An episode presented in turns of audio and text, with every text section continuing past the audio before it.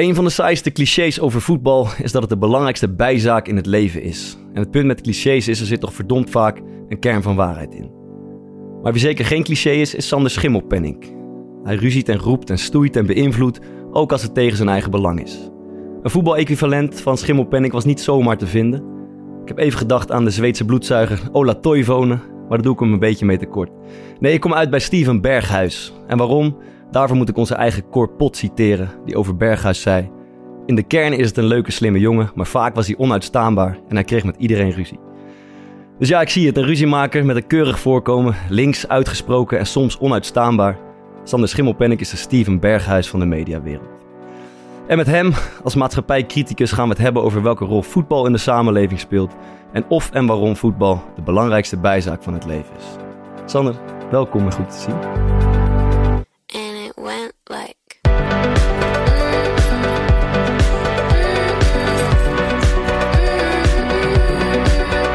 Het is toch een beetje al gat mannetje. Ik vind het zo zonde. Zeg maar, als er dan zo gewoon over je geluld wordt. Het, het doet je echt helemaal niks. Nee, helemaal niet. Eigenlijk niet, nee. Ik proef daar, eh, het proef daar toch iets minder zelfvertrouwen vanuit jou. Wat een afschuwelijke onzin is dat. Oppas wat je zegt. Het moet gewoon klaar zijn. Ik ben klaar nu.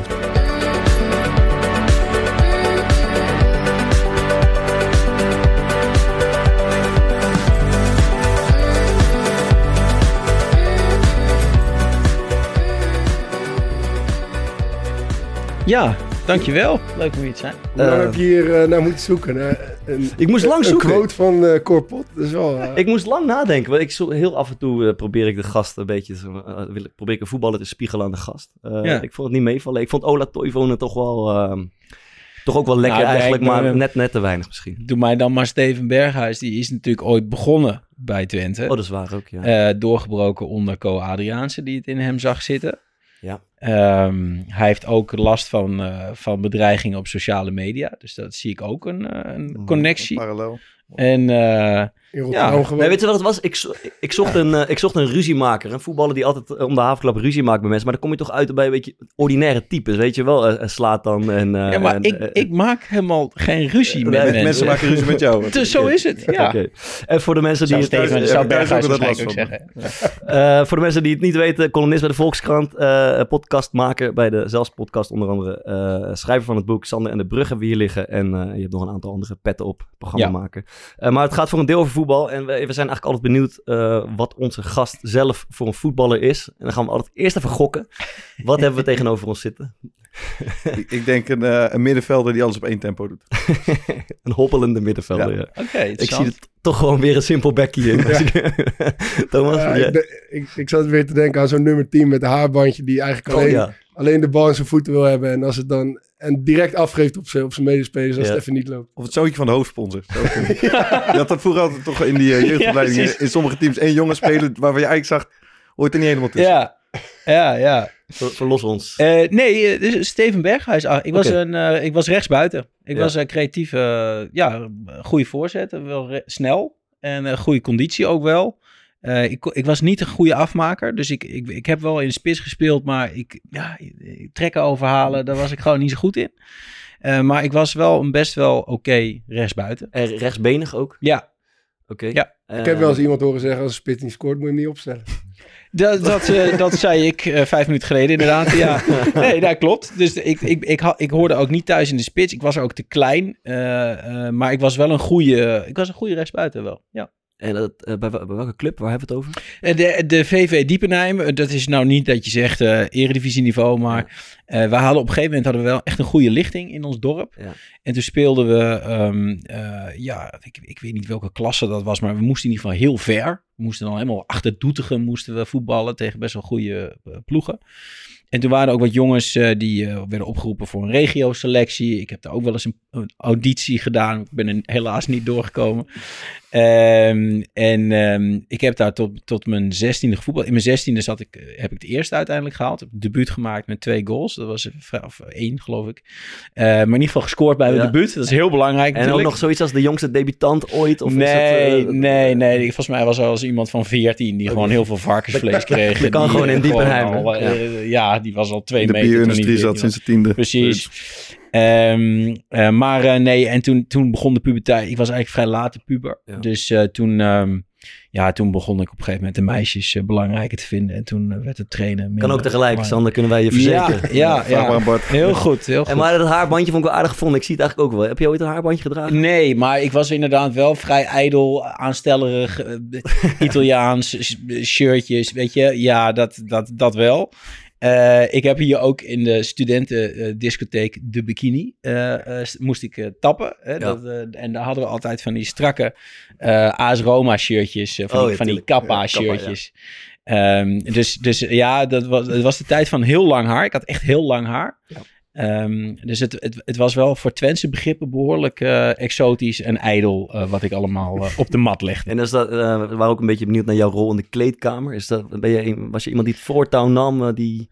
Ja, nou, nou ja, wij, wij- ja, dat was het Twente van eind vorige eeuw. Dat klinkt echt heel lang geleden. Maar nou ja, zo'n 1999, 2000. En eh, wij, wij, vanaf je veertiende moest je dan gewoon een kratje grols leeg drinken na de, na de wedstrijd. En, en, en eh, check roken en zo. Mhm. En ja, ik vond het wel leuk. We hadden wel, we hadden wel lol. En, ehm, en er was gewoon klassieke voetbalhumor met... Was eh, het bij- bij wijze van spreken of je moest echt een kratje golf nee, leeg nee, zijn? nee, dat is, dat is niet bij wij- Dat is echt zo. Gewoon een, Iedereen en- drinkt een heel Ja, dat, dat, er werd zo ongelooflijk hard gezopen... dat ik echt eigenlijk nog heel verbaasd ben dat mijn brein functioneert.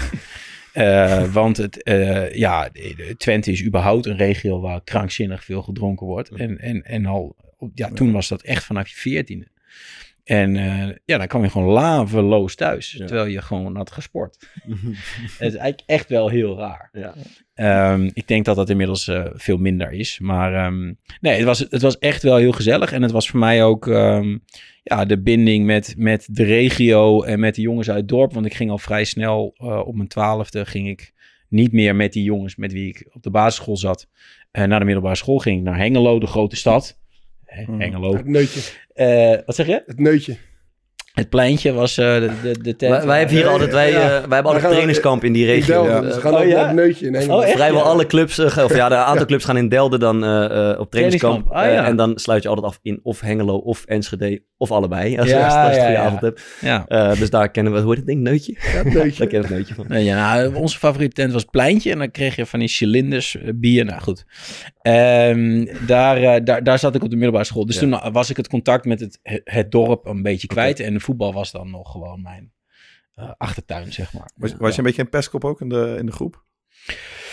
Mm, Nou, ach ja, we, we, we hadden wel redelijk, eh, we waren elkaar wel de hele tijd aan het afzeiken, maar het was redelijk gelijkwaardig. Ik heb niet het idee dat er nou één iemand echt... Had je toen ook al dat je als je mensen dommig vond, dat je daar eh, een soort allergie voor had? Ja, nou, nou ja, eigenlijk niet, want eh, bij voetbal gaat het natuurlijk ook om andere dingen. Hmm. Kijk, als jij, als jij gewoon een hele goede verdediger bent, dan hoef je verder niet... de zwaartekracht te kunnen verklaren of zo. Of het sterrenstelsel te kunnen uitleggen. Eh, dus, Kan, dus kan Maarten heel het goed. is een, Dat kan eh, ik ook niet uitleggen. het nee. is een, het is een, het is een hele, ja, hele mooie egalitaire spa- sport. Het gaat gewoon om wat je op het veld doet en, en of je een beetje eh, je taken eh, Hmm. volbreng- vol- volbrengt. En eh, in die zin is voetbal eigenlijk een, een verbinder tussen mensen van allerlei verschillende niveaus. Wij, eh, ik, ik ving via via op dat je toch eigenlijk ook wel profvoetballer had willen worden. Tuurlijk, meer niet. Ehm, wat had je zo aantrekkelijk geleken aan het, aan het profvoetballerschap? Nou ja, dat. eh, nee. Dat is ook nee, nee, nee. dat, is- dat, dat is linksom ook gelukt. eh. Ja, precies, dat is wel gelukt. Eh, nee, het, het, het zit hem eh, gewoon in, in, in eh, ja, eh, doelpunten maken. Dat, dat, gewoon, als je, als je, nee, dat- nee, maar gewoon scoren of, of het gejuich van het publiek. dus dat ik, eigenlijk het mooiste. ja, dus ik, ik, ik ging al vrij jong naar Twente. Mijn eerste seizoenkaart was in, in vak O naast vak P. Best wel spannend vond ik dat. Dus was Dat ik- zijn de, de hooligans? ja, dat is de harde kern van Twente. Dat was nog in het oude Diekmanstadion. Toen was ik 12 of zo. Eh 50 gulden voor een seizoenkaart. En ehm, eh, toen raakte ik gewoon zwaar onder de indruk van de sfeer in het stadion. Dat is gewoon heel vet. En, en ja, wat wil je als jongen dan liever dan voetballen Mm. in zo'n sfeer? En, ehm, en het is natuurlijk, ja, eh, als je van voetbal houdt, is dat het mooiste wat er is. Ja, ik snap, wij, wij zijn nog wel eens geneigd om zeg maar als voetballer zelf zijn de supporters niet echt te begrijpen, zeg maar. Ja. Eh, Ja, echt. en zo. en, en Ja? te denken van, ja, wat, wat- waarom komen die mensen, waarom zijn ze Ja? zo gek? Maar ik, ik was vorige week Feyenoord Shakhtar, eh was ik gaan kijken en er was natuurlijk één helft van het stadion was dicht en ik had gewoon een kaartje, waar- ik dacht gewoon in een rustig vak, maar eh, de gehele harde kern was naar dat vak gekomen. Dus ik kwam tien minuten voor de wedstrijd aan en ik was blij dat ik überhaupt de tribune nog op kwam, maar ik stond dus op de trap tussen de harde kern en Feyenoord en dan merk je wel dat het gewoon wel, dat, dan merk je wel dat het echt mooi is, man. Ja? Ja, dat wat, is wat, echt... wat voor de mooie... Ja, al die gasten om me heen stonden te zingen en te schreeuwen. En eh, ja, op de manier zeg maar, waarop zij het beleven, daar word je gewoon in Kon meegetrokken. je, kon je al- jezelf al beheersen om het ook gewoon mee te doen in dat... eh, Ah, een beetje, ja, een beetje. Dat ja, een beetje... nee, ja, tuurlijk. Maar dat is Maar, echt... Nee, ik, ik maar ik vond het heel interessant wat je zei. Is, is, dat een, is dat een bekend fenomeen bij voetballers dat ze echt denken van... eh, ja, Ja, wat, kijk, wie zijn die Ik mensen? kan, ik kan een voorbeeld geven. Ik speelde met Thomas bij Excelsior in de, en speelde in de eerste divisie. En dan speelde een hele verre uitwedstrijd. En dan zaten bijvoorbeeld 30 mensen in dat uitvak. En dan gingen Ja. ze bedanken na de wedstrijd. Maar dan zei je ook wel eens tegen elkaar van... joh, wat bezielt die mensen dat, ze, dat ze dit hebben gedaan op een vrijdagavond. Nou, Os rijden ja, ja, precies. voor Excelsior uit. Ja, we Ja. begrijpen elkaar niet helemaal. eh, En, en ook wel eens, ook wel eens ja, ook bedreigend dat je echt denkt van ja, eh, ik, voel, ik voetbal liever voor een leeg stadion dan met deze gek op de tribune. Nee, want het, het, eh, het zorgt wel voor het- gevoel dat het ertoe doet wat je aan het doen bent. Ja. Het levert ook spanning en energie op. Ja. En eh, sowieso bedreiging of haat van de eh, supporter van de tegenstander is alleen maar Dus prima, ja. brandstof. Van je eigen supporters Ja, heb dat ik is gelukkig nooit meegemaakt, maar dat lijkt me wel heel naar. Ik heb wel eens in stadions gezeten waar hun eigen spelers worden uitgefloten. Ja. Dat, is wel, dat, is wel, dat is wel pittig, denk ik. Ja. Ben je nooit uitgefloten? Nee, geloof, Geloof ik ik niet. Ja, ik hoor wel eens gemopper, maar echt een, een redelijk ehm Je eh, bent, groot wel, het- je bent wel het type speler. Als het Waar niet loopt, snel waar gaan ze, waar gaan ergeren. Ja, dat is zeker Door die bal is vooruit. Dat is Ja. zeker waar, ja. Met je haarbandje. nee, eh, nee, gelukkig niet. Nee. Jij wel? Nee, ja, we hebben toen na die degradatie Ja, toen, eh, ja. een kleine confrontatie gehad Ja. met de supporters. Ja. Maar dat was ook dat, een beetje wat Jetro Willems eigenlijk dit, eh, dit Ja. weekend had. Ja. Ik vond zijn reactie wel echt gruwelijk. Ja, Dat is echt... boeien. eh, ik kom uit Rotterdam-Zuid. Ja. Van, de- ja. Ja, maar ja, ja hij, hij, hij maakte er niet echt een heel groot ding van. Dat vond, ik, wel, vond ik wel mooi. We gaan zo eh, verder over de, de rol van voetbal. Eh even iets heel anders. Ehm, eh, ik ben zelf niet erg activistisch van aard, eh, in tegenstelling tot, eh, tot jij, Sander. Maar ik, eh, af en toe komt er iets voorbij wat, eh, wat me aan het hart gaat. Dan zag ik vorige week een, eh, dat bericht van het IPCC, dat klimaatpanel, dat het eigenlijk allemaal nog slechter is dan we Ja. eerst dachten.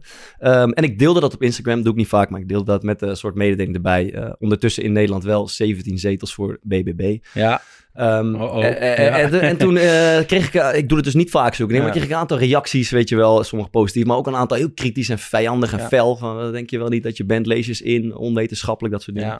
Ehm, en toen, eh, ik wist natuurlijk dat jij zou komen in de podcast, toen, toen, ik was er een uur mee bezig om tegen wildvreemde mensen eh, proberen uit te leggen wat ik bedoel en het, het proberen uit te leggen, de discussie aan te gaan.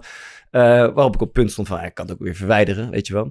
En maar, ik heb hier twee vragen over. De eerste vraag is, die, ik zie jou dit vaak doen.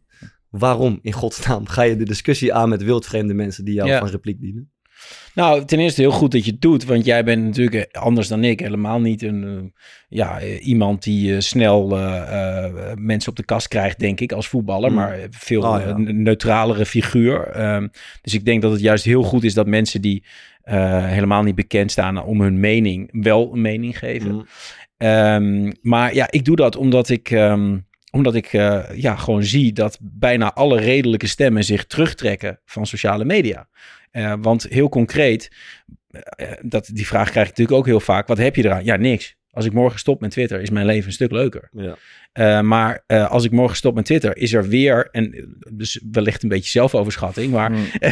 is er Je- weer een redelijke Je stem minder. voor het land. Je bent Nou, eigenlijk... het- ik meen het serieus. Ik doe het wel een beetje voor het land. Want, want eh, kijk, je moet wel gewoon dat andere tegengeluid blijven geven. Kijk, daar gaat eigenlijk ook mijn nieuwe programma over. Wat ik nu aan het maken ben voor de VPRO. Kijk, sociale media wordt door heel veel nette mensen gezien als een soort van... Ja, dan kijk je daar toch niet op. Mm. En dat is toch gewoon, dan leg je dat toch... Ga toch van Twitter af. Wie zit er nou op Twitter? Mm. Nou, ik heb talkshows gepresenteerd. Ik, ik, ik, ik loop heel lang inmiddels al in de media, of nou, vijf jaar of zo in de mediawereld rond. Ik zie gewoon hoe belangrijk sociale media zijn. Talkshows die worden gebaseerd, hè, de, de onderwerpen die worden gekozen op basis wat er op die dag op Twitter allemaal gebeurt. Dus we kunnen wel doen alsof het niet belangrijk is wat er, wat er gebeurt, alsof er alleen maar gekkies zijn, maar dat is gewoon niet waar. Dus ik vind het heel belangrijk dat redelijke stemmen daar gewoon actief blijven en Mm. eh, eh, dat populistische geluid blijven bestrijden. Want het is gewoon nodig. Ja.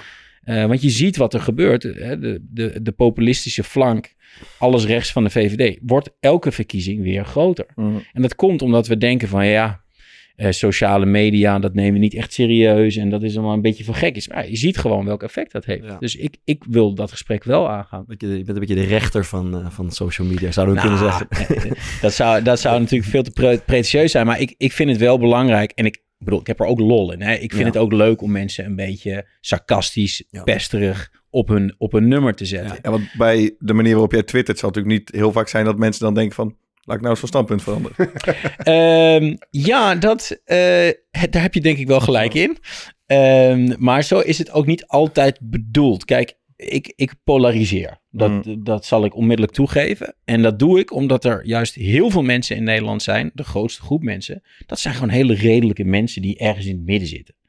En in deze tijd, eh, met thema's zoals klimaat en zo, vind ik dat je mensen een beetje moet dwingen om te kiezen. Je kan niet meer zeggen van, ja, ik vind er eigenlijk niks van. Mm. Het klimaat, ja, ik vind er eigenlijk niks van. Nee, je moet er wat van vinden, want dit is gewoon echt heel belangrijk. Ehm, en daarvoor heb je eh, mensen nodig, zoals ik, maar gelukkig zijn er heel veel andere eh, mensen, activisten noemde je ze net eigenlijk, die mensen dwingen om over dingen na te denken en kleur te bekennen. Mm. Te zeggen, ik ben hiervoor of ik ben hier tegen, ik vind dit wel belangrijk, ik vind dit niet belangrijk. Want we kunnen ons eigenlijk niet meer permitteren om, zoals we als Nederlanders altijd gewend zijn, maar een beetje... Nou ja, eh, laten we een beetje in het midden uitkomen. Laten Mm. we een compromis sluiten. Weet je, hij heeft een punt, hij heeft een punt. Laten we ergens in. Nee, dat, dat gaat niet meer. Je moet echt kiezen in deze Mm. tijd. En ehm, de tweede vraag die me opkwam, dat vind ik eigenlijk nog iets interessanter, is... eh, ik betrap mezelf er dan op, ik krijg wat feedback en kritiek. En ik ga twijfelen aan mijn eigen punt. Dus ik denk van, Ja. is het, ben ik niet te stellig of is het... Jij wil hem eigenlijk verwijderen. Ja, als- oh, voor een deel, of, of ben ik niet te ongenuanceerd? Is Ja. het wel zo zwart-wit? Ehm Ja. Al doe ik dit eigenlijk, snap je wat ik bedoel? Ja, Eh, maar ik, ik, ik, ik kijk eh, regelmatig naar eh, programma's waar je verschijnt. Bijvoorbeeld, daar betrap ik jou dus nooit op. Hè? Een soort eh, terughoudendheid of, eh, of gereserveerdheid over je eigen mening. ja, Die stelligheid. En Ja, ik is- vraag me echt af, hoe, hoe komt dat? Ja. Nee, en hoe komt het? En dat heb ik, eh, ik heb dat bij jou, daar ben ik echt benieuwd. Ik heb dat bij, bij jou en dat heb ik bij Tim Hofman ook. Jullie Ja. vinden overal iets van. En dat vind ik echt knap. Met volle Nee. overtuiging. Nee, dat is, dat is echt niet waar. Nee, maar- je, doet, je, doet, je doet net, hey, dat is lekker drankje, hè? Ah, Heerlijk. Iso Lemon. Ja. Ah, ah dat, heb ik, dat heb ik echt sinds de kantine van de VVD-bedrijf niet meer gedronken. Voor een moeilijke vraag moet je altijd een slokje A, isolemon nemen. Eh. En dan- Belangrijk. En dan kunnen we weer verder. En dan kan je stellig worden. Ik krijg hier niks van, dus ik ga dit niet, niet hier aan meedoen aan deze reclame. Dat heb je zojuist gedaan. Reclame voor AA Iso Lemon. Nee, die stelligheid, ja, dat, dat is natuurlijk wel deels voor de bühne. Hè. Dus kijk, Twitter is natuurlijk een medium met name da- dat je dwingt om kort en bondig en Mhm. dus stellig te zijn. Daar is niet echt ruimte voor nuance. En nuance doet ook af aan de boodschap. Dat, dat verzwakt wat je wil brengen. Maar als mens en in elk gesprek ben ik natuurlijk vol twijfels. En ben ik helemaal geen soort van zichzelf overschattende eh, Mhm. idioot. Eh, Maar op Twitter en- wel. Maar, maar op Twitter- nou, nee, ook niet. Nee, maar ik. eh, dus wat je zegt, eh, je hebt over alles mening. Nee, ik heb over heel veel dingen heb ik helemaal geen mening. Ik, ik word eh, bijna elke dag gebeld door talkshows. Ja, wil je wat zeggen over dit? Wil je wat? Nee, dan zeg ik nee, want dan weet ik niks vanaf. Mm. Kijk, ik heb een paar thema's waar ik, me, waar ik me druk over maak, waar ik me over uitspreek, waar ik iets van vind. En daar ben ik stellig over, want daar weet ik dat ik er kennis van heb. Mm.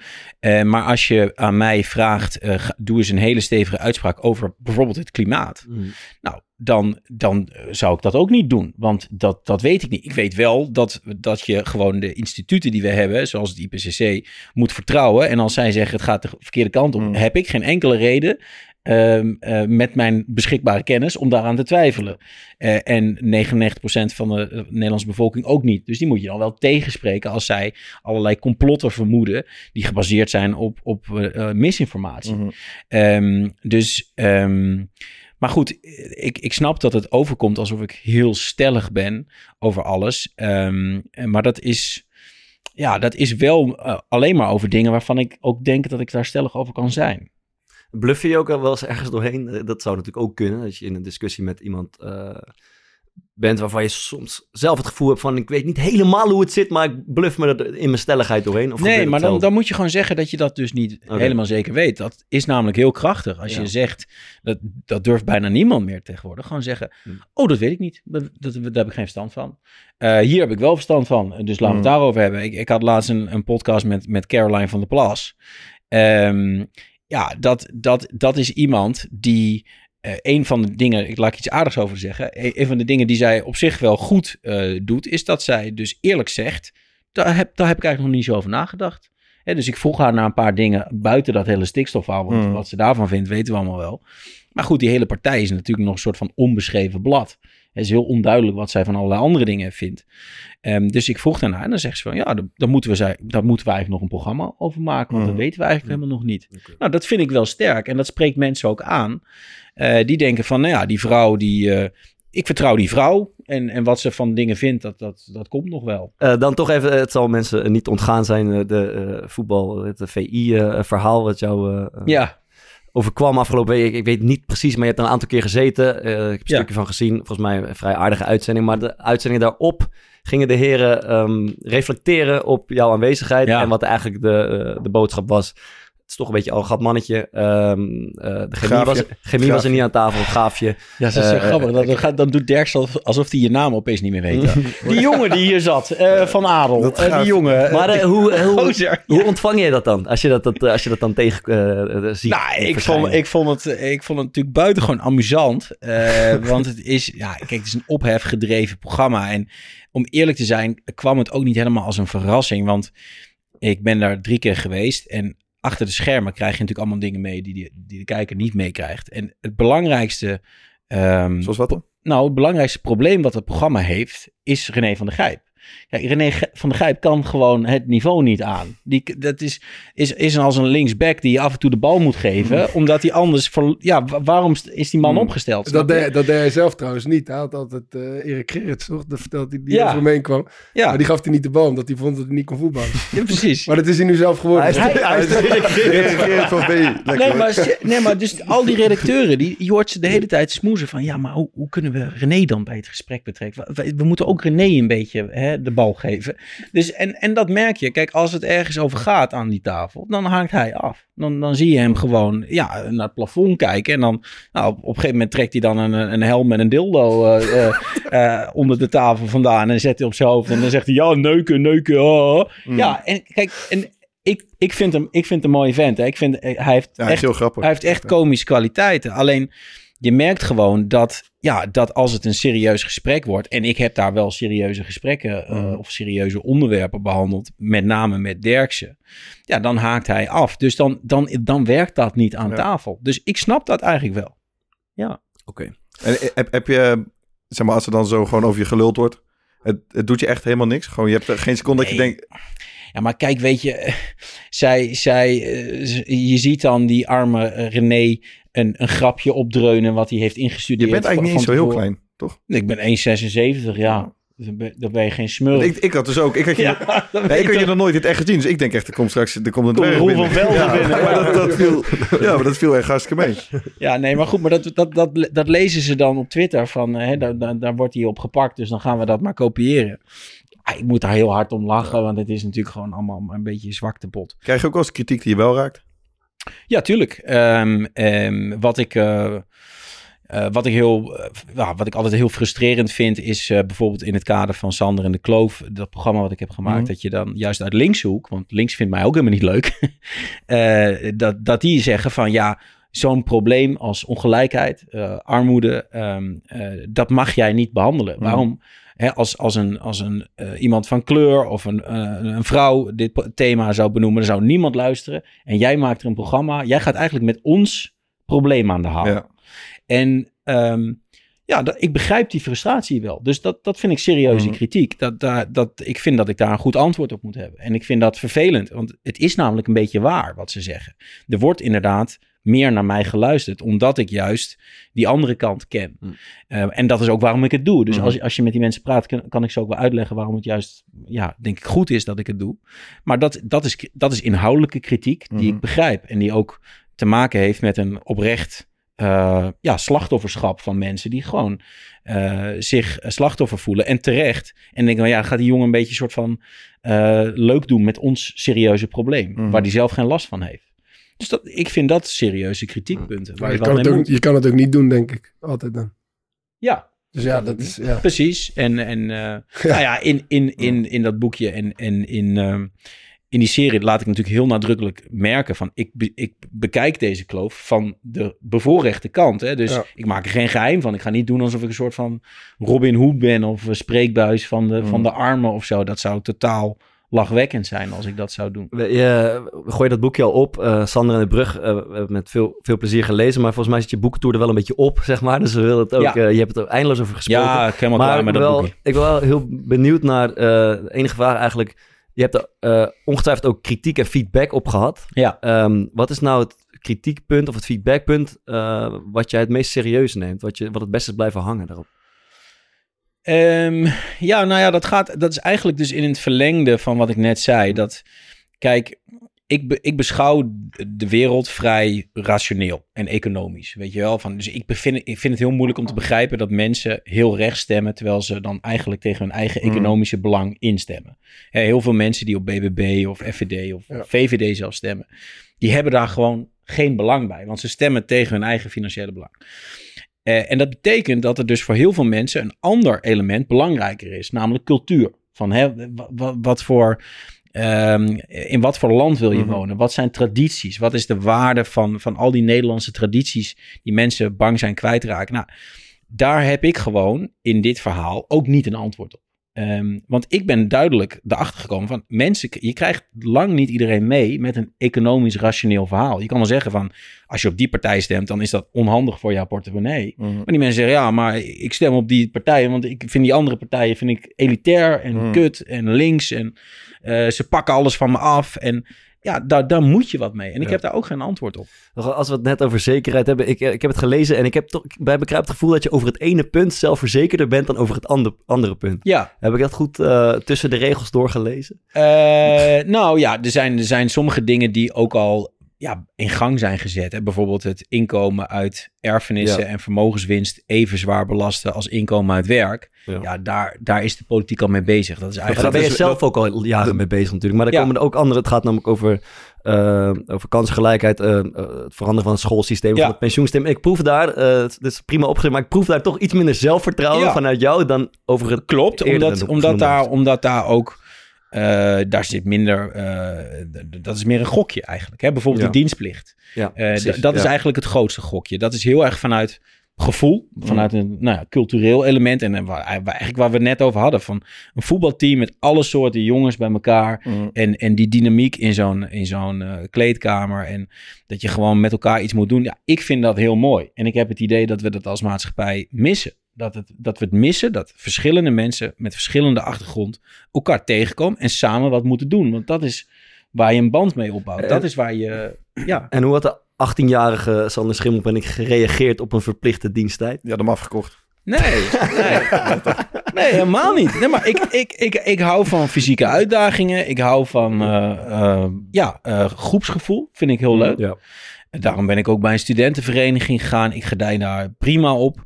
En eh, ik heb het altijd leuk gevonden om met allerlei soorten mensen om te gaan. Ja, maar ik denk dat wij dat alle drie toch ook wel kunnen... Als je, ik had de parallel met een voetbalteam nog niet direct getrokken, maar Ja, Ja, wij komen ook alle drie uit een bepaald eh, milieu waar je niet direct met de jongens in aanraking zou komen waarmee, waarmee je nu bevriend bent geraakt bijvoorbeeld. Nee, het is ook zo, dat, Ja, dat is om- sowieso een goed je- idee. Maar ik dus- denk wel als het eh, een zeg maar, verplicht karakter krijgt, dat het op veel weerstand stuit. Vooral bij, zeg maar, als je op die leeftijd bent. Nee, Maar ik snap tuurlijk. Maar ik, ik zet er wel een ton tegenover, hè? Ja, Mm. ja jubeltonnetje erbij. Jubeltonnetje. Ja, dat is een geen goed punt voor jubelton. Was ik ook in dienst. Ralf- Ja, daar moet ik ook heel eerlijk over Ja, Ralf, Scheu- Ralf vond het een grof schandaal vandaag in de kleding. Ik zei, eh, Sander Schimmelpenninck komt langs. Hoe kan hij iedereen nou een ton geven? Is hij helemaal gek geworden? Dat Ah, ja? nou, hij dacht dat ze het allemaal op gingen maken aan dure auto's en aan cocaïne. Moet, moet je dan lekker doen? Ja, maar dan moeten ze. Nou, ik, echt, als liberaal zou je moeten zeggen: ga lekker je gang. Heb je je kans ver- verpest. En dan moet je daarna niet komen janken dat het op is. Ehm, Maar goed, je kan het ook gewoon beperken. De, de jubelton zoals die was, die ouders mochten geven aan Ja. een kind, die mocht ook alleen naar een huis. Dus je Mm. kan allerlei beperkingen aan, eh, aan eh, verbinden. Vooruit. Ja. Ehm, voetbal als, eh, als, als belangrijkste bijzaak, zoals het is geschetst. Ja. je, je, je, deelde net al een beetje, je hebt een FC Twente supportershart. Ehm, ik heb ergens gelezen dat je ook meeging naar uitwedstrijden en zo'n Ja. supportersconvooi naar Groningen of weet ik veel wat. Maar kun je niet Ehm, voorstellen. hè, dat ik ja, waarom doen in mensen busje zat. Ik kon je net zeggen dat je de wereld heel rationeel bekijkt. dat is daar niet echt een... eh, Nee, nee, nee. De, liefde en voetbal zijn de uitzonderingen. Daar mag je irrationele domme dingen doen. Maar de simpele vraag is, waarom doen mensen dat? Waarom deed jij dat bijvoorbeeld? Wat is de waarde daarvan? Nou ja, het is ook denk ik dat- het diepe menselijke gevoel om, om ergens bij te horen. Eh, het is identiteit, het is ehm, ehm, ja, eh, ge- geworteld willen zijn, om het maar, ja, dat klinkt heel aanstellerig, maar kijk, mensen eh, die vinden het fijn om ergens vandaan te komen. Die hebben een soort van gevoel van ik ben Tukker, ik ben Fries, ik ben Rotterdammer, ik ben Amsterdammer, weet ik veel. Dus het is allemaal onzin natuurlijk, want het zijn allemaal gewoon mensen. En dan het gelul, ja, Amsterdammers zijn minder leuk dan Rotterdammers, vind ik wel trouwens, maar goed. Ik wil het zeggen. het Eh, ja, net nee, maar, uitzondering die wel klopt. Oppas wat je zegt. nee, maar goed, het is natuurlijk in de basis allemaal gelul. Maar Ja. het, het is gewoon een hele menselijke behoefte om trots Ja, het is toch niet je- gelul, want dat heeft toch gewoon te maken met eh, cultuur, dus met omgangsvormen. en, Nou ja, eh, precies. K- dus- ja, cultuur. Ja, ik, ik vind in de basis eh, cultuur gelul, maar Ja. het is er wel. Dus je Ja. moet er wat mee. En ik voel het dus ook, want ik ben ook een mens. Dus ik ben ook gevoelig voor die onzin. En ehm, eh, nou, het was ook Hoezo wel... is cultuur nou weer gelul? Nou ja, gelul. Ik bedoel, het, het is niet rationeel, laat ik het zo noemen. Het is irrationeel. Het is, hoezo, het als is het een toch, als het gevoel. toch eh, aan, aan, aan een soort menselijke wens van jou voldoet, dan is dat toch niet per se irrationeel? Nou ja, het is, het, is, het is wel irrationeel. Ik bedoel, als je mij vraagt waarom zat je in dat busje eh, Ja. met, Ja, dat met, allemaal, met, met allemaal hooligans rationeel niet te verklaren. om, om hier door hekken naar het uitvak van, eh, van, eh, van, de, van de Kuip te gaan. Ja, is dat rationeel? Nee. Ja. Maar dat, dat- ik vond dat heel leuk om, om dan te zingen met, met duizend eh, tukkers. En dan, eh, ja, en dan, dan in de Kuip te winnen. Ja, dat geeft je een eh, heel goed Wat, gevoel. wat, wat is eigenlijk de beste FC Twente chant, eh supporterslied? Eh, ja, Twente, Twente heeft een paar, paar nummers. Ik, ik vind wel dat ze de laatste tijd wel een be- beetje eh, in beginnen te kakken. Maar Tot een riedeltje. het is heel veel herhaling. Uh-huh. Dus Twente heeft een soort van hypnotiserende eh, zangen die dan even zo wegzakken. En dan, dan denk je van, nou, het, dooft uit en dan, en, dan, Mm. en dan zwelt het weer aan. Ehm, en dat vind ik wel lekker. Hoor jij wat supporters zingen?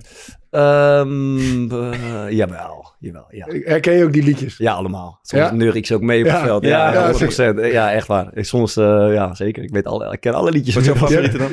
Eh, ja, ik vind die, zeg maar, toen, toen ik hier voor het eerst kwam, dat is, ik, dat is een beetje een uniek Sparta-liedje. Ja, nee, Eh, nee, het- die is volgens mij in heel veel... ja, maar goed, de tekst, dat Ja, is ja, ja, natuurlijk, eh, op Spangen, het kasteel, heb ik mijn hart verloren. Ja, het greep me naar de keel. En nu al vele jaren eh, blijf ik je altijd trouw, want Sparta is mijn clubpie waar ik zoveel van hou. Ja, is lekker. Ja, maar Ja, ja, ik, nee. ik hoor dat natuurlijk al zeven jaar lang, Ja. elke week. Eh, Weet je welke ik vaak heb gehoord Ja. bij Sparta? Die zingen ze namelijk altijd na een tegengoal of als het niet goed gaat. Ook al, ook al staan we onderaan, Ja. spangen naar blijven wat. Oh, die is al lang, die is al lang geleden. Als je zeg maar die hoorde, Ja. dan wist je, ja, kut, het gaat niet goed.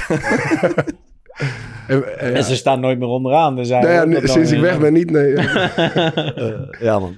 Ehm, ja, wat eh, ja, de, de supportersrellen eh, zeg maar, van de laatste, eh, laatste tijd eigenlijk. Ja. Ehm, dat is nogal aangezwengeld. Eh, he- heb jij het gevoel dat dat nog steeds incidenten zijn... of staat dat voor iets breders in de, in de hele samenleving misschien wel? Ja, ik, ik, ik, ik vind het moeilijk om te zeggen. Want ik weet wel dat toen ehm, in de tijd dat ik eh, ja, voetbal begon te volgen, was het heel heftig. Dan had je Car- Carlo Picorni, die Ja. werd doodgestoken in eh, Be- Beverwijk of zo. Ja. Toen waren er best wel serieuze rellen. Ook, ook een Twente supporter die door een Feyenoord supporter Ja. werd vermoord. Erik Lasje, weet je wel.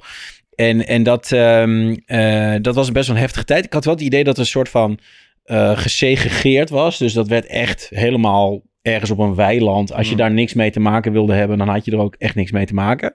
En nu is het toch wel meer in die stadions. En ja, ik weet niet of het nou meer of minder is. Ik heb wel het het is idee... verdubbeld. Eh, Ik las van de week in een onderzoek... eh de aantal vooronderzoeken naar dat soort geweldsincidenten in stadions... is Ja. verdubbeld sinds de coronacrisis. Is wel bijzonder. Ja, ja. Ja. wel bijzonder. Want ik sprak, ehm, mijn tante in Engeland is eh, directrice op een basisschool. En zij vertelde dat ze sinds corona ehm, helemaal geen tijd meer kwijt is aan zeikmails beantwoorden. Dus dat ouders nu dus blijken... En als ze een keer over iets klagen, dat ze dan altijd eerst beginnen... Nou, we zijn heel erg dankbaar dat, ehm, dat, dat mijn kind niet wel naar school kan. En, dus daar is een soort dankbaarheid ontstaan. Een soort herwaardering van ja, al die precies. Dus dat, dus dat, dat ze. Ja. wat ze eerst voor lief namen, dat ze nu gewoon heel blij zijn dat het überhaupt is. En dat zou je misschien ook kunnen verwachten, soort van, we hebben, wat is het, anderhalf jaar bijna niet naar Ja, stadions kunnen zitten. Eindelijk kunnen we weer gezellig. Maar dat slaat dan in Nederland of zo de hele, helemaal Ja, de maar dat begon kant al op. direct toen de eerste supporters weer binnen mochten druppelen. Gingen ze het veld bestormen week in Ja. week uit bij allerlei clubs. En nu, dat is eigenlijk alleen maar doorgezet. En die klap die Jetro Willems ontvingen. Dat, dat, en, en dat was Ah, ik later heb- bij PSV ja. geloof ik ook zoiets. Maar dat volgens mij moeten mensen met zo'n Stone Island jas ook gewoon niet toelaten. is dat, is echt- dat de ja. enige Ah, je pikt ze er wel uit, ja. ja. maar ik heb het idee dat het geweld vroeger een kleinere groep... Ja. die veel gewelddadiger was... en dat het nu verbreed is. Ook door sociale media. Maar ja, het is zo raar, want overal hangen camera's. Wa- waarom door sociale gewoon- media in dit geval? Nee, Nou, het steekt ja. elkaar aan, toch? Ik bedoel, Ja, op hits vroeger was het denk ik veel moeilijker om ergens bij te horen of om eh, alle ins en outs ervan te kennen. En dat is nu een stuk makkelijker. Ja. Ja.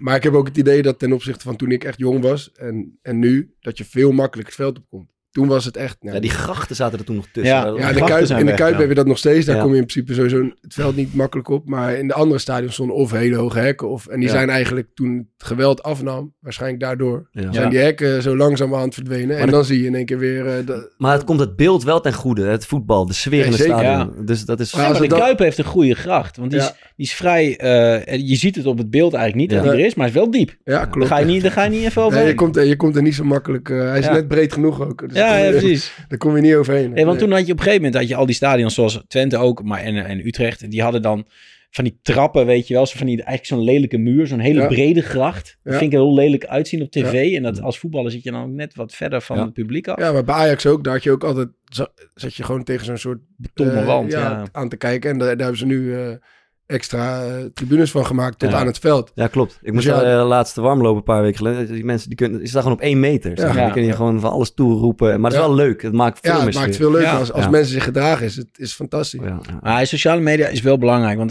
ik weet nog dat Twente moest ehm, tegen Fiorentina in de eh, voorbereiding eigenlijk. eh, dus Mm. voorronde eh, UEFA Cup of zo.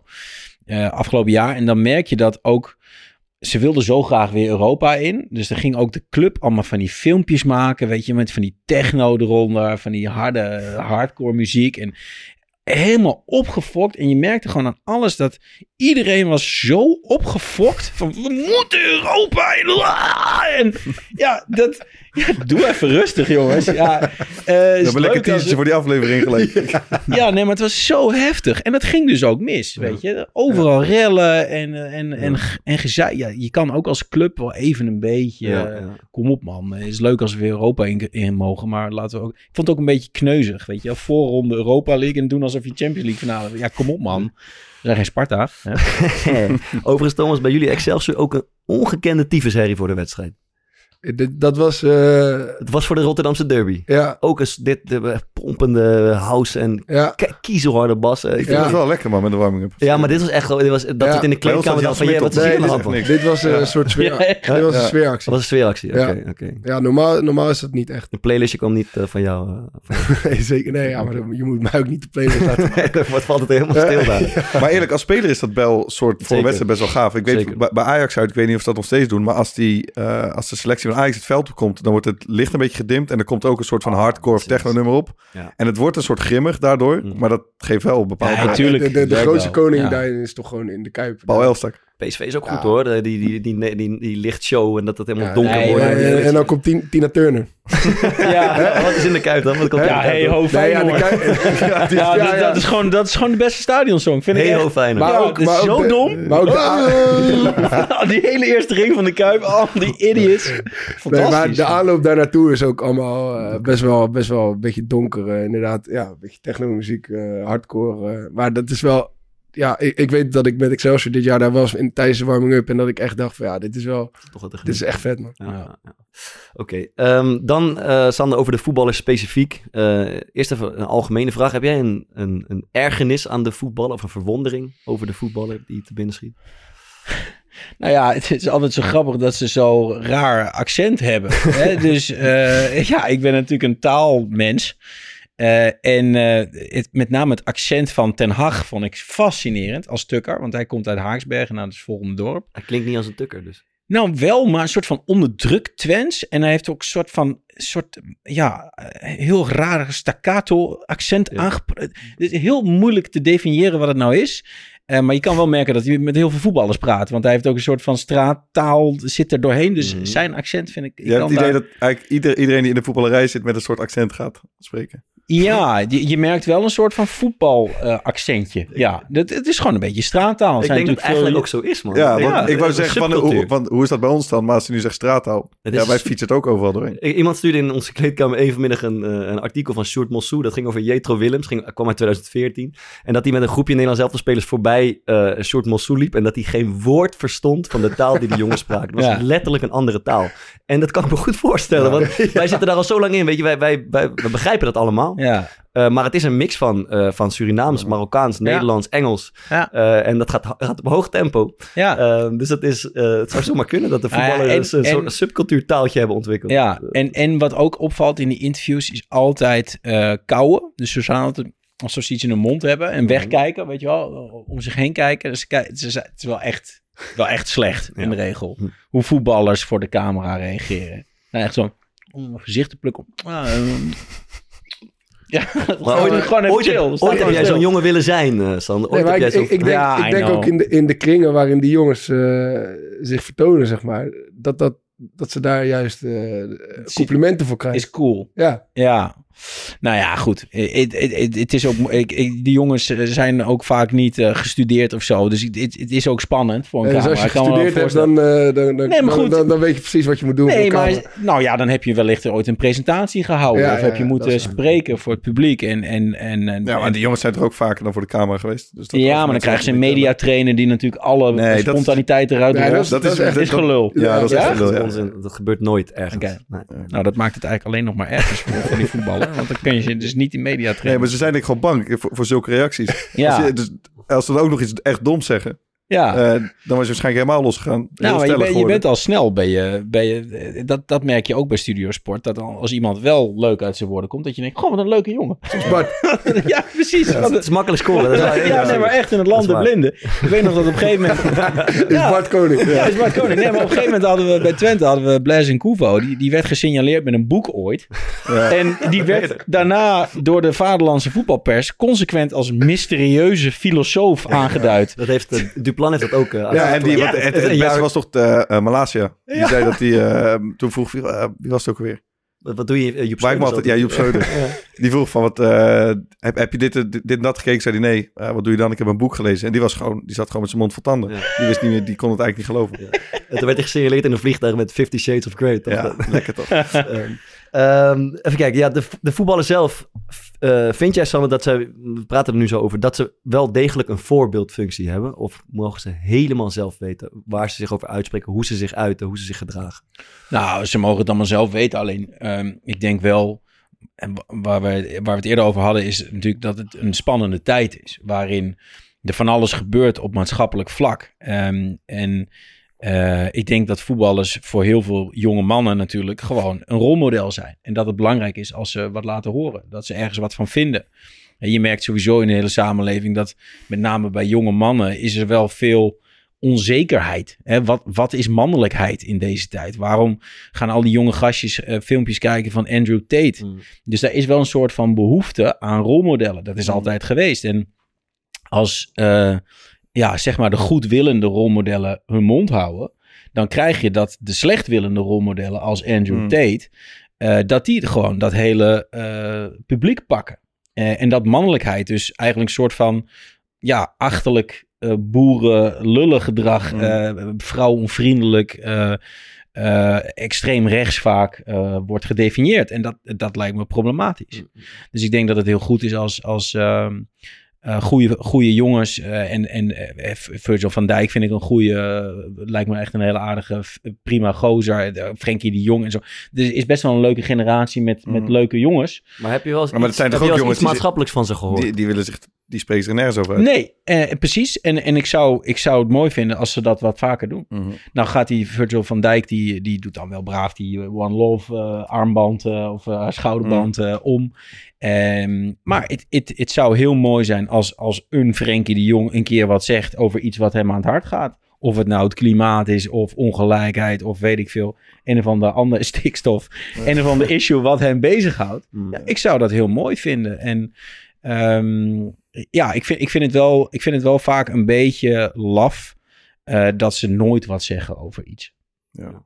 Nou, ja, gooi je die zelf die, die band op. Daar is natuurlijk nogal veel om te doen geweest. Ook afgelopen weekend weer. Eigenlijk, dat, dat statement komt twee keer per jaar. Ja. Ehm, en daar komt toch heel veel weerstand uit, eh, uit Ja. de voetbalwereld. Eh, Ja. Een aantal spelers die dat weigeren te dragen of het een beetje verbergen. Ja. Ook weet ook dat er binnen teams discussies over is van waarom moeten we dit hier aan meedoen. Dit wordt ons opgelegd, wordt op de schutting gegooid. Ehm, ja, heb je, daar, heb je daar naar gekeken en, en hoe heb je daar naar gekeken? Ja, nou ja, ik, ehm, ik, snap, ik snap ergens wel de, het sentiment in zo'n kleedkamer van waarom, waarom moeten wij nu dit doen? Weet je, dit, dit, dit, eh, de, de maatschappij heeft een probleem als het gaat om tolerantie en acceptatie van andersdenkenden. Maar de En- voetbalwereld toch ook zelf? en de voetbalwereld ook. Ehm, dus ik ben er ook helemaal voor dat die actie er is. En ik vind ook dat, eh, dat eh, zo'n Kokchu, dat hij niet zo moet zeiken, gewoon dingen om moet, om moet doen. Ehm, maar ik, ik snap wel dat dat niet vanuit hun komt. Ja. En daarom zeg ik ook, ik zou het mooi vinden als voetballers dingen die wel echt vanuit hun komen, echt Ja. dingen waar ze zich druk over maken, als ze daar wat mee doen. Ja. Maar dat doen ze niet. Dus dan is het ook weer niet zo raar dat de KNVB denkt van, nou ja, wij willen laten zien eh, dat wij wel hiermee bezig zijn. Want het is gewoon een maatschappelijke verandering en het is- daar, daar willen we in mee. We willen daar ons steentje aan bijdragen. Ja. Ja, dan moet het wel top-down. Als je zelf nooit initiatief neemt, Ja. ja, dan krijg je dus het gevoel dat er dingen Maar het, moeilijk is nu dus is dat je nu eh, in principe de boodschap die je wilt uitstralen, je straalt gewoon het eh, precies het tegenovergestelde over. Ja. Dus voetbal is niet Is inclusief. niet inclusief. Nee. Maar dat, dat, Ja. dat, eh, Maar dat- dat ja. blijkt toch ook uit die discussie dan, toch? Ja, maar dat is, Ja, toch, maar ook, het is- maar dat is toch ook de waarheid? Ja, nou, exact. dus het, is, ja. het is niet Maar, maar, inclusief. maar, maar er zit toch ook wel een verschil tussen eh, inclusiviteit, dus gewoon met elkaar op een bepaalde manier op dagelijkse basis met elkaar om kunnen gaan en elkaar tolereren en een statement maken. Ja, maar die, die Armand is toch niks anders dan dat zeggen? Ja, bedoel- dat, dus da- daar zit toch een verschil tussen. Nee. Nou, ik, vind het, ik vind het meer een statement als je hem niet draagt. Ja. Dus dat je, dat je, tegen, de, dat je tegen die campagne Maar bent. dat is jouw invulling natuurlijk. Ja, dat is zeker is mijn invulling. Maar dat is wel hoe ik hem interpreteer. En ik denk hoe heel veel mensen hem- interpreteren. Nee, maar als je, erachter, ach- als je achter de boodschap staat, waarom zou je dan niet die armband dragen?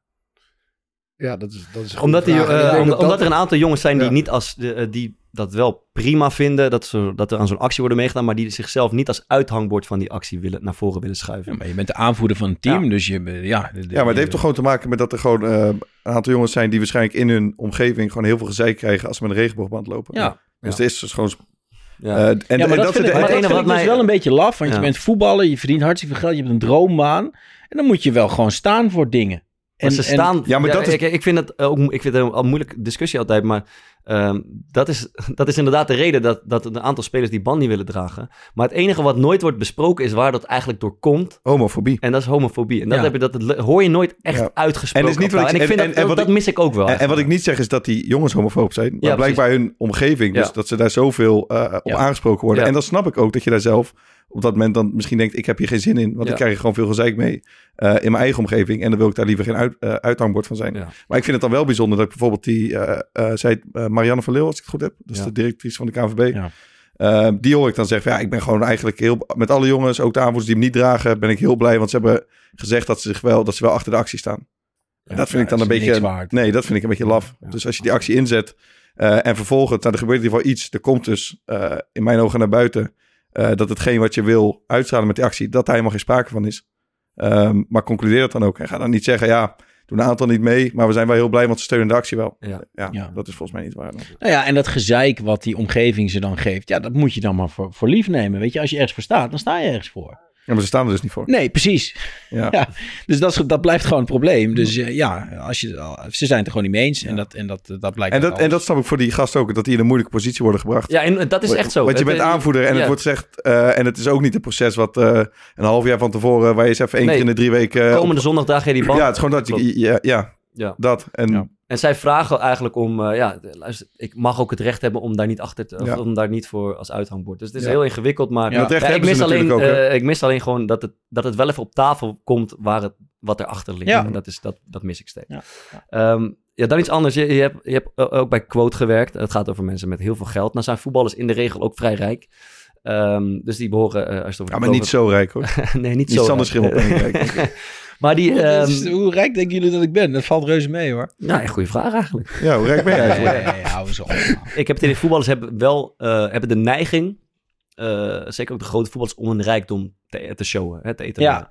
Ehm, Heel goed, is goed voor de economie.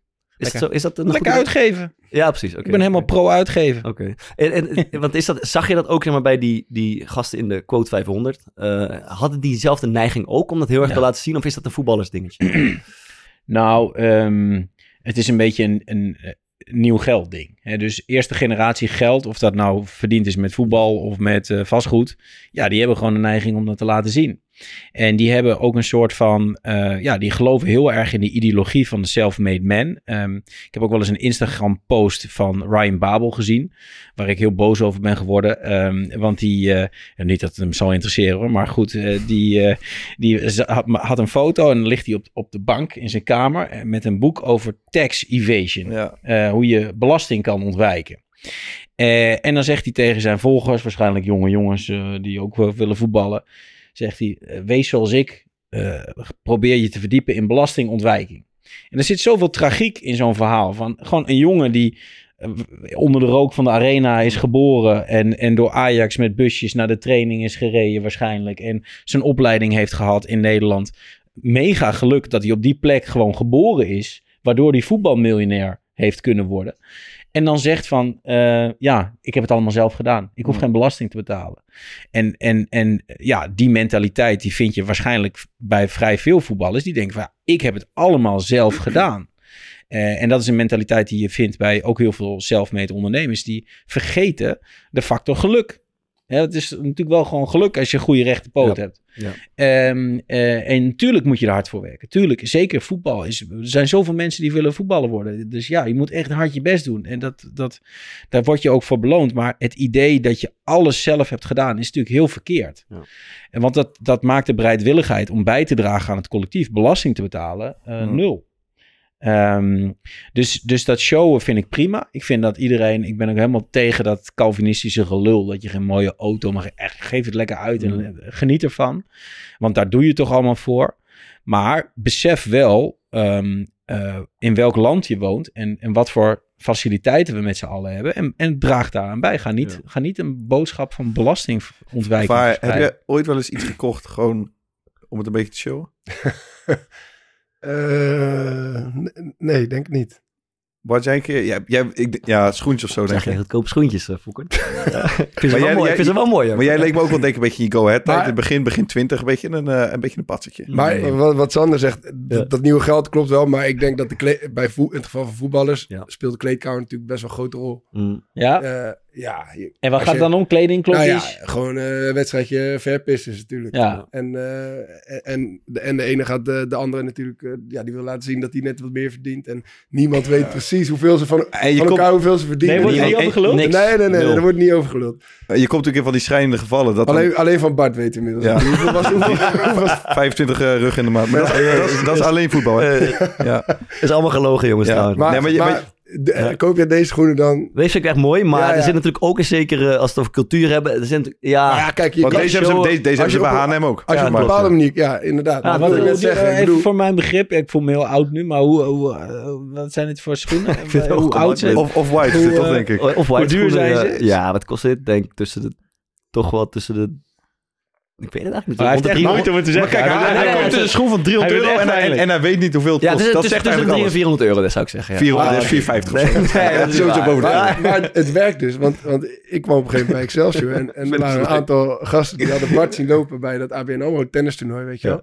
Hey, eh, Bart, eh of white schoenen aan. En, Ah. eh, dus- Hey, lekker man. je Ja, stijgt een dan toch in de... Dat is het ding. Ja, je moet bijbenen, man. Je moet toch bijbenen in de kleedkamer. maar doe je het daarvoor? Nee, ik vind het echt mooie schoenen. dag. Ja. Je- Mag ik dit mooie scho- Mag ik Nee, dit mooie tuurlijk mag Je mag het vinden? mooi dat, is, dat is Ja. het probleem. Je hebt, je hebt het recht. Ja. maar. Maar jij weet ook, jij, kijk, jij weet ook donders goed, zeg maar, hoe, hoe mensen in de kleedkamer hier naar kijken.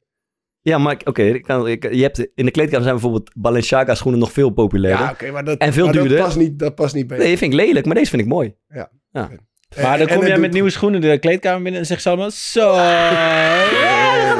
je gaat, je gaat niet je naar gaat huis. dik, je gaat dik.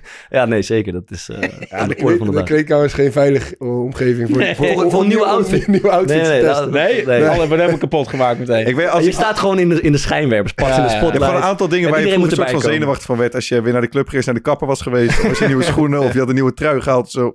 Ik weet nog wel dat ik eh, dan vroeger als je bij, eh bij Jong Oranje zat, dan mocht je bij Nike eh, zo langs. En dan mocht je voor een, een bedrag kleren halen. En toen mocht ik dat voor het eerst. Nou ben ik natuurlijk fucking trots. En ik had nooit van die hele nieuwe trainingspakken. Toen kwam ik de dag daarna in, in zo'n fonkelnieuw Nike trainingspak. Helemaal smetteloos. En van die hele grote Nike Air Force hoge, die witte eronder. En ik ben nog nooit zo hard uitgelachen. En je voelde je het binken, jongen. ja, maar het stond helemaal niet. Maar Jij dacht dat je het mannetje was. ja, maar dat was niet zo. Mooi. Eh, toch nog even één, eh, één serieus ding hierover. Eh, als, als je dan bij de rijkste procent of bij rijkste 0,1 procent van, van, de- van de 0,0001 samenleving in jouw geval. vind, vind je dat dat soort van verplichtingen schept ook? Of, Natuurlijk, Niet. ja. en wat dan? Ja, nou ja, dat, dat, dat, dat, dat vertelde ik eigenlijk net. Dus Kijk, als je- ontwijken. ja, nee, als, je, als je geluk hebt dat je zoveel eh, verdient Ja. en, eh, en het zo goed doet, dan heb je de verplichting om, om bij te dragen aan het collectief. Ja, dus Om- gewoon belasting te betalen. belasting, maar ook eh, vind ik om, eh, om je nek uit te steken. Dus om, om je uit te spreken over dingen. Om.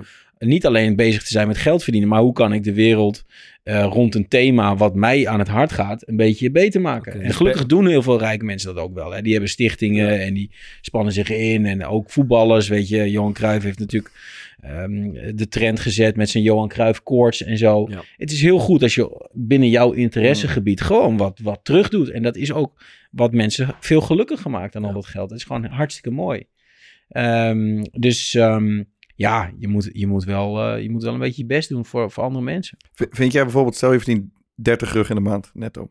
Dat je daar, ehm, eh, dat, je dan eh, daar nog een deel van zou moeten besteden bijvoorbeeld aan goede doelen, aan zulke Nee, ik initiatieven. vind, ik vind kijk, de- het probleem is, als je dat ook weer tot de individuele verantwoordelijkheid maakt, Mm. dan, dan gaat het niet werken. Je, je moet gewoon een goed belastingstelsel hebben waarbij de helft, en dat gebeurt ook in Nederland, Mm. Van dat inkomen gewoon naar de Belastingdienst gaat. Zodat we daar goede dingen van kunnen doen. Onderwijs, wegen, noem maar op. Dus je, je moet dat niet aan het individu overlaten. Het wordt altijd, in de quote-tijd was er altijd, had ik altijd discussie met die rijke lui. Die zeiden van ja, maar ik wil geen belasting betalen. Want ik kan het zelf veel beter besteden. Dan kochten ze een of ander dom wildpark ergens in, in Afrika. Omdat de kleindochter van, van olifanten hield. Weet je wel, ja, allemaal, allemaal van dat soort totale willekeurige onzin. Kocht Leroy Fernie ooit een paard voor zijn vriendin. Maar die moest hij dan op het, ba- op het balkon Ja, ja. stallen. Omdat hij Ja. niet wist dat je ook... Volgens een- mij in de Moet je tuin hebben. bij Twente speelde. Was Ja, eh, ja, ja, echt? klopt. Ja. Ja, ja, En hij wist eigenlijk, hij had geen manege of een plek waar hij dat kon stallen. Dus hij moest dan op zijn balkon staan of zo. Dat was trouwens wel echt het begin. Dat was wel de grootste red flag als Twente supporter. Dat Munsterman dacht dat hij de beste speler van Feyenoord moest kopen. Dan weet je wel dat Twente echt buiten zijn voetjes, Mm, ja. buiten zijn schoenen begon te lopen. Ja.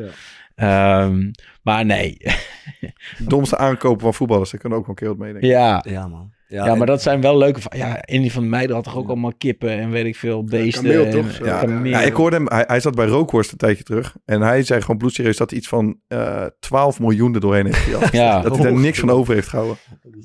Ja, dat vind ik wel vrij goed testen. Glenn Helder was ook zo'n legendarisch verhaal, toch? Ja. Ja. Gewoon helemaal failliet is gegaan. Ehm, ja, volgens mij eh, zijn we toe aan eh, aanraders van de week. Eh, en jij hebt een film gezien, Sander, zei je, dus ik ben benieuwd. Ja, ik heb een film gezien en die heet After Sun. Ja, is een, ja, ja, je hebt het gezien. Nou, echt, echt een aanrader. Ik dacht, ik, ik moest erheen van mijn vriendin. Ik dacht, het zal wel een of andere filmhuisfilm. Maar echt een hele bijzondere film waar de soort van spanning wordt opgebouwd naar een dramatisch einde. Ehm, maar ik zou hem zeker kijken. Fokkert. Eh, ik heb weer een boekje gelezen. Oh, doet snel, man. Ja, kijk, ik heb een tijdje terug had ik een, eh, een verhaal gepist dat helemaal niet goed viel. Van dat je minder dingen moet doen, maar, je, maar ze goed moet doen. Ja. Eh, toen hoorde ik, vorige week in de podcast hoorde ik Toby Lakmaker, ons wel bekend, ehm, die vertelde van, dat, dat hij vroeger boeken la- las, gewoon om ze gelezen te hebben. En daar had ik zelf eigenlijk ook wel een klein beetje een handje van. En dat was ook het geval met De Alchemist, heb ik een paar jaar geleden gelezen. En daar wist ik eigenlijk helemaal niks meer van. En het staat op alle lijstjes helemaal bovenaan. Het is zo'n belangrijk boek en het moet zo goed zijn. En ik wist er eigenlijk niks meer van. Dus die heb ik vorige week eh, nog een keer gelezen. En tot mijn verbazing was het dus inderdaad echt een fantastisch boek. Mm. Eh, het gaat over een, eh, een, een jonge herder die eigenlijk een soort van hele route aflegt. En uiteindelijk, hij moet, de goden spreken een soort van tot hem. En hij moet die route afleggen. En hij komt uiteindelijk bij zijn droom uit. Ehm, maar er zitten heel veel metaforen in die eigenlijk ook op je eigen dagelijks leven betrekking kunnen hebben. Ja. Dus ik heb hem, ik was echt in drie dagen weer doorheen eh, van genoten. De. Coelho. Paulo Coelho. Ja, ik durf zijn naam niet uit te spreken. Want ik, ik kan Engels niet. Ik kan... Ik zou Coelho willen zeggen. Dus ik ben blij dat ik het niet Ja, eh, gedaan wie, heb. wie was ook weer die commentator die eh, al die Braziliaanse achternamen zo... Jan. Roels, Jan Roels, toch? Is Jan dat- Roels. Ik dacht Jeroen Gruter, maar... Ronaldinho. Ja, ja, Fred. En op een gegeven moment ging hij te- zo ver, toen had, was het Brazilië-Noorwegen. En toen had hij het over Toren André Vloe. ja, dat, dat, dat, dat, dat klopte niet. Thomas. Eh, ja, ik, ik kreeg gisteren of eergisteren een appje van een goede vriend van mij. eh, met de mededeling dat op tweedoc.nl, en dat duurt nog ongeveer twee dagen na het uitkomen van deze podcast, eh, de documentaire van Nick Cave eh, online stond, gratis te bekijken. Eh, One More Time with Feeling heet die. En eh is een documentaire die gemaakt is door Andrew Dominic, een eh, Australische regisseur die vlak na het overlijden van de zoon van Nick Cave eh, eh, eigenlijk op een hele intieme manier eh, eh, de opnames van zijn nieuwe album eh, vastlegt. En er zit één stukje in wat ik echt fantastisch vind. En dat gaat over eh, de kracht van improvisatie, waarin hij uitlegt eh, dat wanneer je de, juiste elementen bij elkaar brengt, dat je dan vrij bent om, eh, te improviseren en dat er dan weer hele mooie nieuwe dingen ontstaan. En eigenlijk die combinatie van intens verdriet, dat omzetten naar iets echt prachtigs maken, dat, eh, dat, dat grijpt mij iedere keer weer aan. Ik heb hem al vaak gezien, want ik heb hem thuis, maar hij is nu dus eh, gratis te bekijken. Dus ik zou iedereen eh, aanraden om dat heel snel eh, Heb, nog heb je deze niet ook aangeraden? Zeker! Ja, zie je, ik ben scherp. hè? Ik, denk, ik zie jou praten en, je- en jij denkt dat zijn ze weer vergeten. Ja, mensen, ja. Maar dit heb je al een keer Ik ging het aangeraden. proberen, maar ja, ik Ben, dacht... jij, ben jij zelf overigens vergeten dat ik de alchemist al een keer heb aangeraden? Waar ik ook even zeggen. ik, ik, ik wilde net serieus zeggen, jullie zijn best wel intellectuele jongens voor voetballers. En dan zijn jullie gewoon, jullie lezen elke week hetzelfde boek. Ja, ja, nou, ja, ik, kijk wel, ik kijk wel regelmatig dezelfde film eh, nog een keer. Maar, maar nu is die, ja, hij is best wel moeilijk eh, te bekijken. Dus ik dacht, niemand, heeft, niemand luistert waarschijnlijk. Want, eh, vol- volgende week ga je daar ook nog wel wat over horen. Maar eh, kijk hem gewoon even nog. Je hebt nog twee dagen. Mooi. Ja, ik, ehm, ik heb een aanra- aanrader eigenlijk richting clubs of voetbalorganisaties. Ehm, ik kreeg een berichtje gisteren van eh, Frank, die is van Fossil Free, Free Football. Ehm, en die heeft zich heel erg gestoord, terecht vind ik, aan het feit dat Nederland zelf speelt tegen Frankrijk eh, dit weekend. ja. Dat zij een vliegritje naar Parijs gaan maken. Het langs vliegen, eh, een uur. Korter dan een uur, terwijl je daar in 3,5 uur met de trein bent, of minder nog.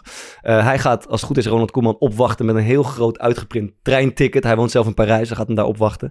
En ik las toevallig ook vandaag dat er in de Premier League worden er vluchten gemaakt van 46 minuten, 48 minuten, Ja. tot maximaal 77 minuten, geloof ik. Om de havenklap. En ehm, ja, ik denk toch, clubs missen zo'n gigantische kans. Eh, sowieso het Nederlands elftal bijvoorbeeld. Je hebt, het is een gigantische kans om dat gewoon goed te organiseren met een veilige situatie. Om even op de trein te stappen en in drie uur in Parijs te Ja, zijn. En dat is ook, ook te echt de enige bestemming waar dat ook echt kan. Juist. Dus is- Berlijn ik- is, een gezeik. ik snap het goed. eh, weet je, als je voor werk morgen naar Londen moet of wat Ja. dan ook. Ik snap goed, dat kan niet altijd. Ja. Maar dit zijn nou uitgelezen momenten om eens wel zoiets te doen. Eh, er gaat ongetwijfeld geen club of organisatie naar luisteren. Maar ik dacht toch, ik vond het een, eh, een hele terechte eh, actie. Een maatschappelijke van, eh, voetballer, daar zit hij. eh, en in het thema, zeker. Ah, maar dus, heel goed ehm, punt. Maar in Frankrijk ja. hebben ze het verboden. Hè? Dus alle, alle binnenlandse eh, vluchten, die worden gewoon verboden. Er, er was een persconferentie, geloof ik, vorig jaar. Dat zaten Mbappé en de coach van Paris Saint-Germain zaten daar. En het werd hun gevraagd van waarom vliegen jullie naar Ja. Nantes? Een Ja. klein stukje. Ja. En ze schoten allebei in de lach. Ja, Eh, ze, Ja. ze begonnen te lachen en ze zeiden iets van... nee, laten we anders met een zeilschip gaan. Ja, zo'n soort grapje werd er gemaakt. En daar begon het eigenlijk mee. Want ik Ja. wat is dat voor rare shit eigenlijk? Wat, eh, wat, een, wat, een, wat een gemiste kansen, wat mij betreft. Ehm, dus dat zou mijn aanrader zijn. En eh, ja, we weten een hoop van jou, maar niet, niets over jouw muzieksmaak. Zo, daar weet Hoe ik zelf ook niks goed van. of slecht, eh, eh, hoe goed of slecht is die? En met welk liedje gaan wij eh, deze aflevering afsluiten? Oeh, eh, die is heel slecht. Ehm, ik ben, eh, misschien is het wel leuk in het voetbalthema. Ehm, ik ga wel eens kijken bij IFK Gothenburg, in mijn thuisstad Gothenburg.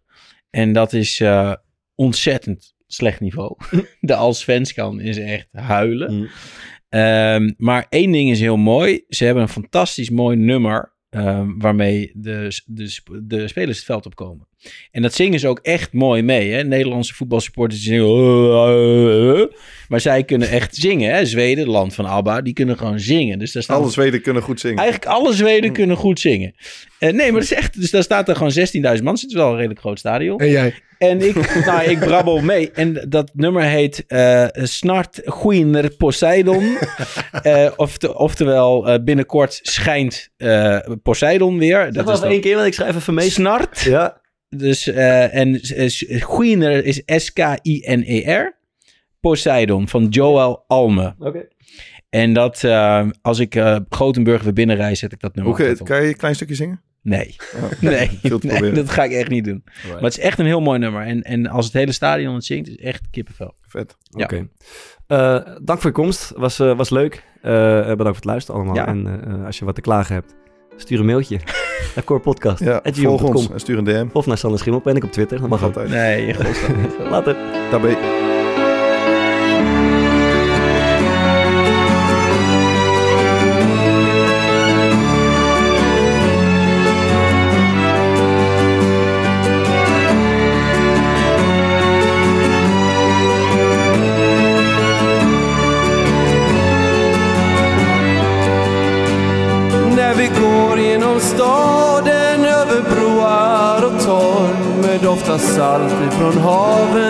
minns vi glädje och sorg. Och vi minns första gången när änglarna sjöng. Hur vårsolen värmde och vintern var glömd. Och när vi kastar våra tomma glas finns det alltid någon med hjärtat kvar. För du har